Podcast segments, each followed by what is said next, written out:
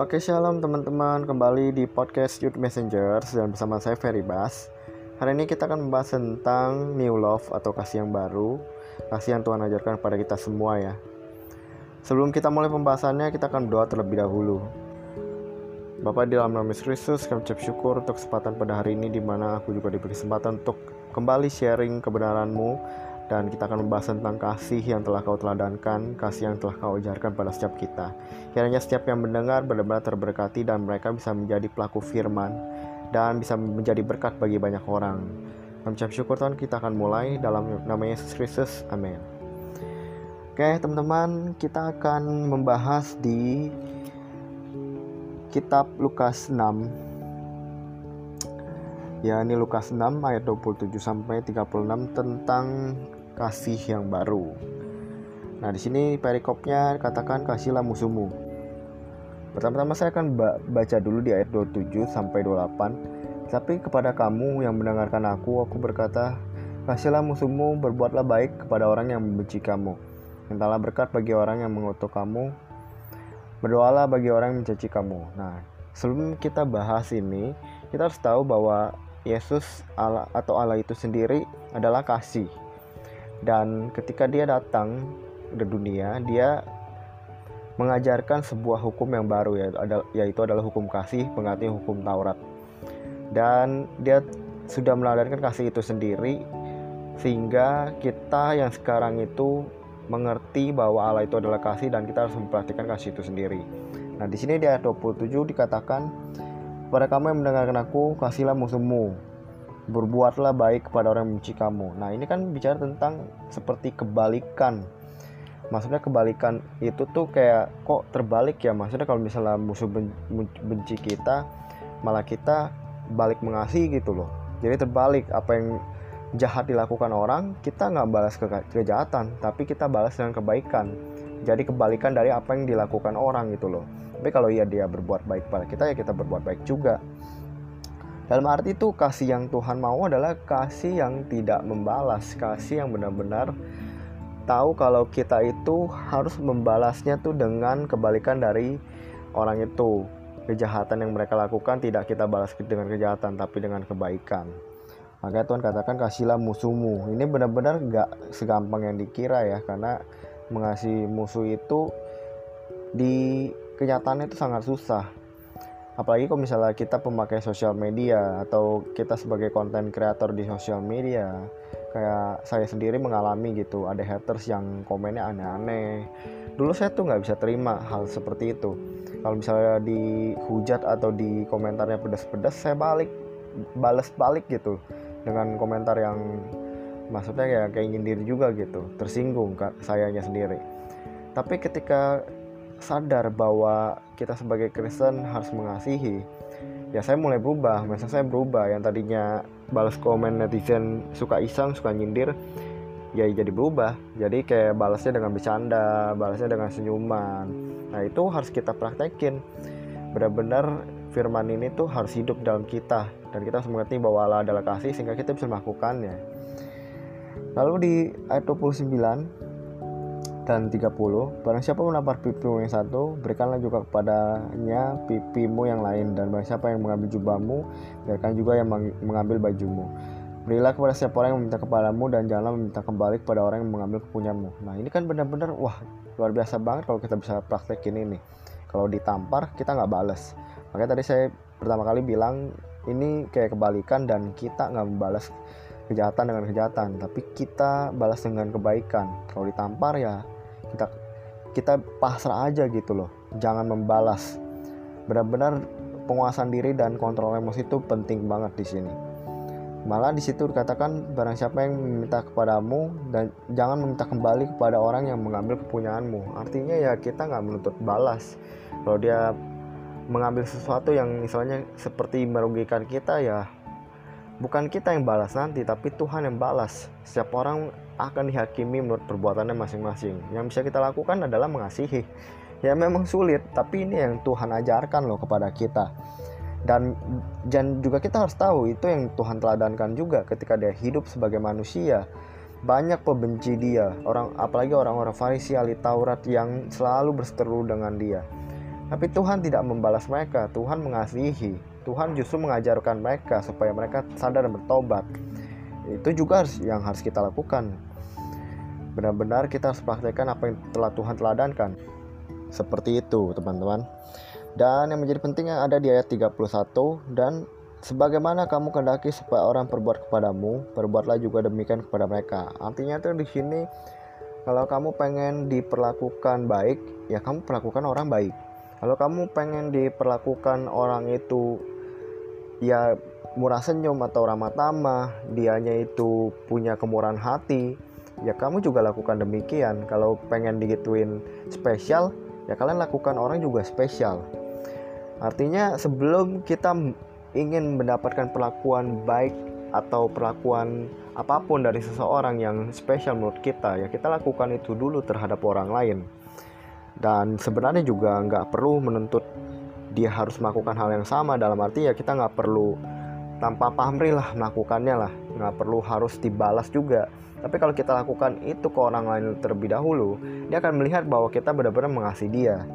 Mengasihi dia dengan tulus gitu loh.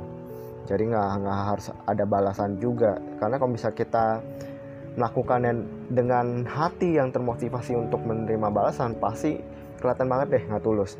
Jadi jangan sampai itu terjadi dan jangan sampai itu terlihat sama orang gitu loh. Kita akan lanjut di ayat 32 dan 34 ini juga poin yang cukup menarik dibahas katakan dan jikalau kamu mengasihi orang yang mengasihi kamu, apakah jasamu? Karena orang-orang berdosa pun mengasihi juga orang-orang yang mengasihi mereka. Sebab jikalau kamu berbuat baik kepada orang yang berbuat baik kepada kamu, apakah jasamu? Orang-orang berdosa pun berbuat demikian. Dan jikalau kamu meminjamkan sesuatu kepada orang karena kamu berharap akan menerima sesuatu daripadanya, apakah jasamu? Orang-orang berdosa pun meminjamkan kepada orang-orang berdosa supaya mereka menerima kembali sama banyak. Nah, ini bicara tentang mengasihi kebaikan dan meminjamkan sesuatu. Kalau misalnya kita mengasihi orang yang mengasihi kita juga, ya nggak ada bedanya. Orang berdosa pun melakukan hal yang sama. Dia akan mengasihi orang yang juga mengasihi dia walaupun dia orang berdosa gitu loh. Sedangkan kita udah tahu kebenaran nih. Artinya kalau mengasihi itu nggak tanggung-tanggung. Bahkan Yesus pun mengasihi musuh-musuhnya dalam arti orang yang membenci dia gitu loh. Bahkan di akhir kehidupan dia Yesus sampai berkata kepada Bapa Bapa Bapa ampunilah mereka karena mereka tidak tahu apa yang mereka perbuat. Artinya kasih yang Tuhan teladankan itu sungguh luar biasa. Pada saat akhir ia memohon pengampunan loh Nah, bisakah kita melakukan hal yang sama gitu loh? Artinya nggak tanggung-tanggung orang yang jahat sama kita pun ya kita harus kasihi karena itu yang Tuhan Yesus lakukan juga. Yesus mengasihi orang-orang jahat dan orang-orang baik dan pembalasan itu haknya Tuhan bukan haknya kita. Ya kewajiban kita adalah mengasihi.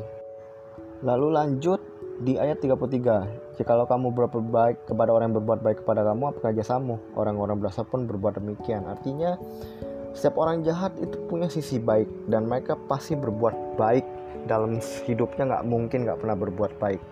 Nah kalau misalnya seandainya kita berbuat baik sama orang yang baik sama kita, ya kita nggak ada bedanya sama mereka gitu loh.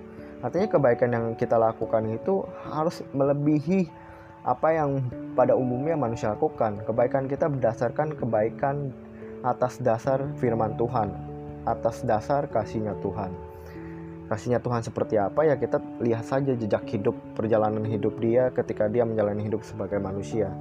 Kasih yang benar-benar luar biasa. Extra extraordinary love. Itu yang kita lakukan kebaikan yang benar-benar tulus. Yang tadi saya bilang tanpa pamrih. Benar-benar kita lakukan karena memang kita mengasihi Tuhan juga gitu. Dan yang tiga empat itu bicara tentang meminjamkan sesuatu. Artinya kita nggak berharap balik loh balik dapat sesuatu yang lebih bahkan gitu loh. Kalau kadang kita kan minjemin orang sesuatu ber berasa banget kita berjasa gitu loh. Jangan sampai itu terjadi. Ya kalau kita pinjam ya pinjam nating tulus. Dia balikin ya bagus. Nggak dibalikin ya udah puji Tuhan ya kalau misalnya kita mau pinjemin ya kita harus rela. Rela dalam arti ya kalau nggak dibalikin kita tulus ikhlas gitu loh. Benar-benar ya anggap aja kita memberkati dia. Dan sampai kita bersungut-sungut akan hal itu dan jadi batu sandungan terus kita berdosa lagi. Nggak benar ya nggak bagus gitu loh. Lalu kita akan akhiri di ayat 35 dan 36 sebagai penutup. Tetapi kamu kasihlah musuhmu dan berbuatlah baik kepada mereka dan pinjamkan dengan tidak mengharapkan balasan. Nah, ini bicara tentang kesimpulan dari ayat 32 sampai 34 ya. Jadi kita harus mengasihi, berbuat baik dan meminjamkan tanpa mengharapkan balasan. Lanjut di ayat 35 berikutnya. Maka upamu akan besar dan kamu akan menjadi anak-anak Allah yang maha tinggi. Sebab ia baik terhadap orang-orang yang tidak tahu berterima kasih dan terhadap orang-orang jahat. Nah ini kan bukti kan bahwa Allah sendiri pun mengasihi orang-orang yang jahat yang nggak tahu berterima kasih. Artinya ya memang Tuhan udah teladani itu kalau Tuhan udah memberikan teladan itu kita mengikuti jejaknya aja nih gitu loh karena kita ini pun harus sadar kita adalah gambaran anak Allah Bapak itu sebagai role model, Yesus itu sebagai role model gitu.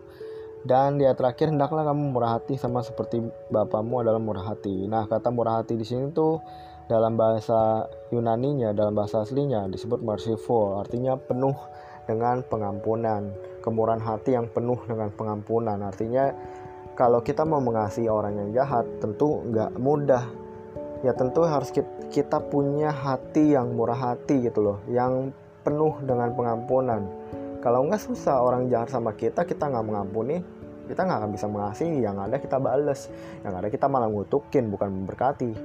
Padahal di ayat 28 tadi kita justru memberikan berkat, meminta berkat bagi orang-orang itu. Dalam arti kita melepaskan berkat. Nah, kalau tanpa ada pengampunan, ya itu susah. bagaimana kita bisa bisa mengasihi, punya hati yang mengampuni? ya kita lihat teladan Bapa pada saat terakhir pun dia berkata Bapa ampunilah mereka sebab mereka tidak tahu apa yang mereka perbuat pada detik terakhir pun Tuhan Yesus memberikan pengampunan dan itu sulit karena orang udah jahatin dia meludahi dia pukul siksa disiksa oleh ciptaannya sendiri loh tapi yang dia lakukan adalah memberikan pengampunan kalau kita tahu kasih yang begitu luar biasa seperti itu kita harus teladani Inilah new love, inilah kasih yang baru, kasih yang Tuhan telah teladankan, kasih yang telah Tuhan ajarkan, supaya kita lakukan dan menjadi berkat bagi banyak orang. Sekian firman Tuhan pada hari ini, mari kita berdoa. Bapak dalam nama Yesus, kami ucap syukur Tuhan untuk sharing singkat pada hari ini di mana kami akan belajar mengasihi lebih lagi, mengampuni, punya kemurahan hati, berbuat baik, dengan standar kebenaran standarmu ya Allah. Terima kasih Yesus, biarkanlah kami menjadi pelaku firman yang luar biasa, menjadi berkat bagi banyak orang, dan orang bisa melihat kebenaranmu dalam hidup kita. Kita selesai pada hari ini Tuhan, kami akan kembali lagi mendengar kebenaranmu di minggu-minggu yang yang lain Tuhan. Dalam nama Yesus, aku ucap syukur Tuhan. Amin.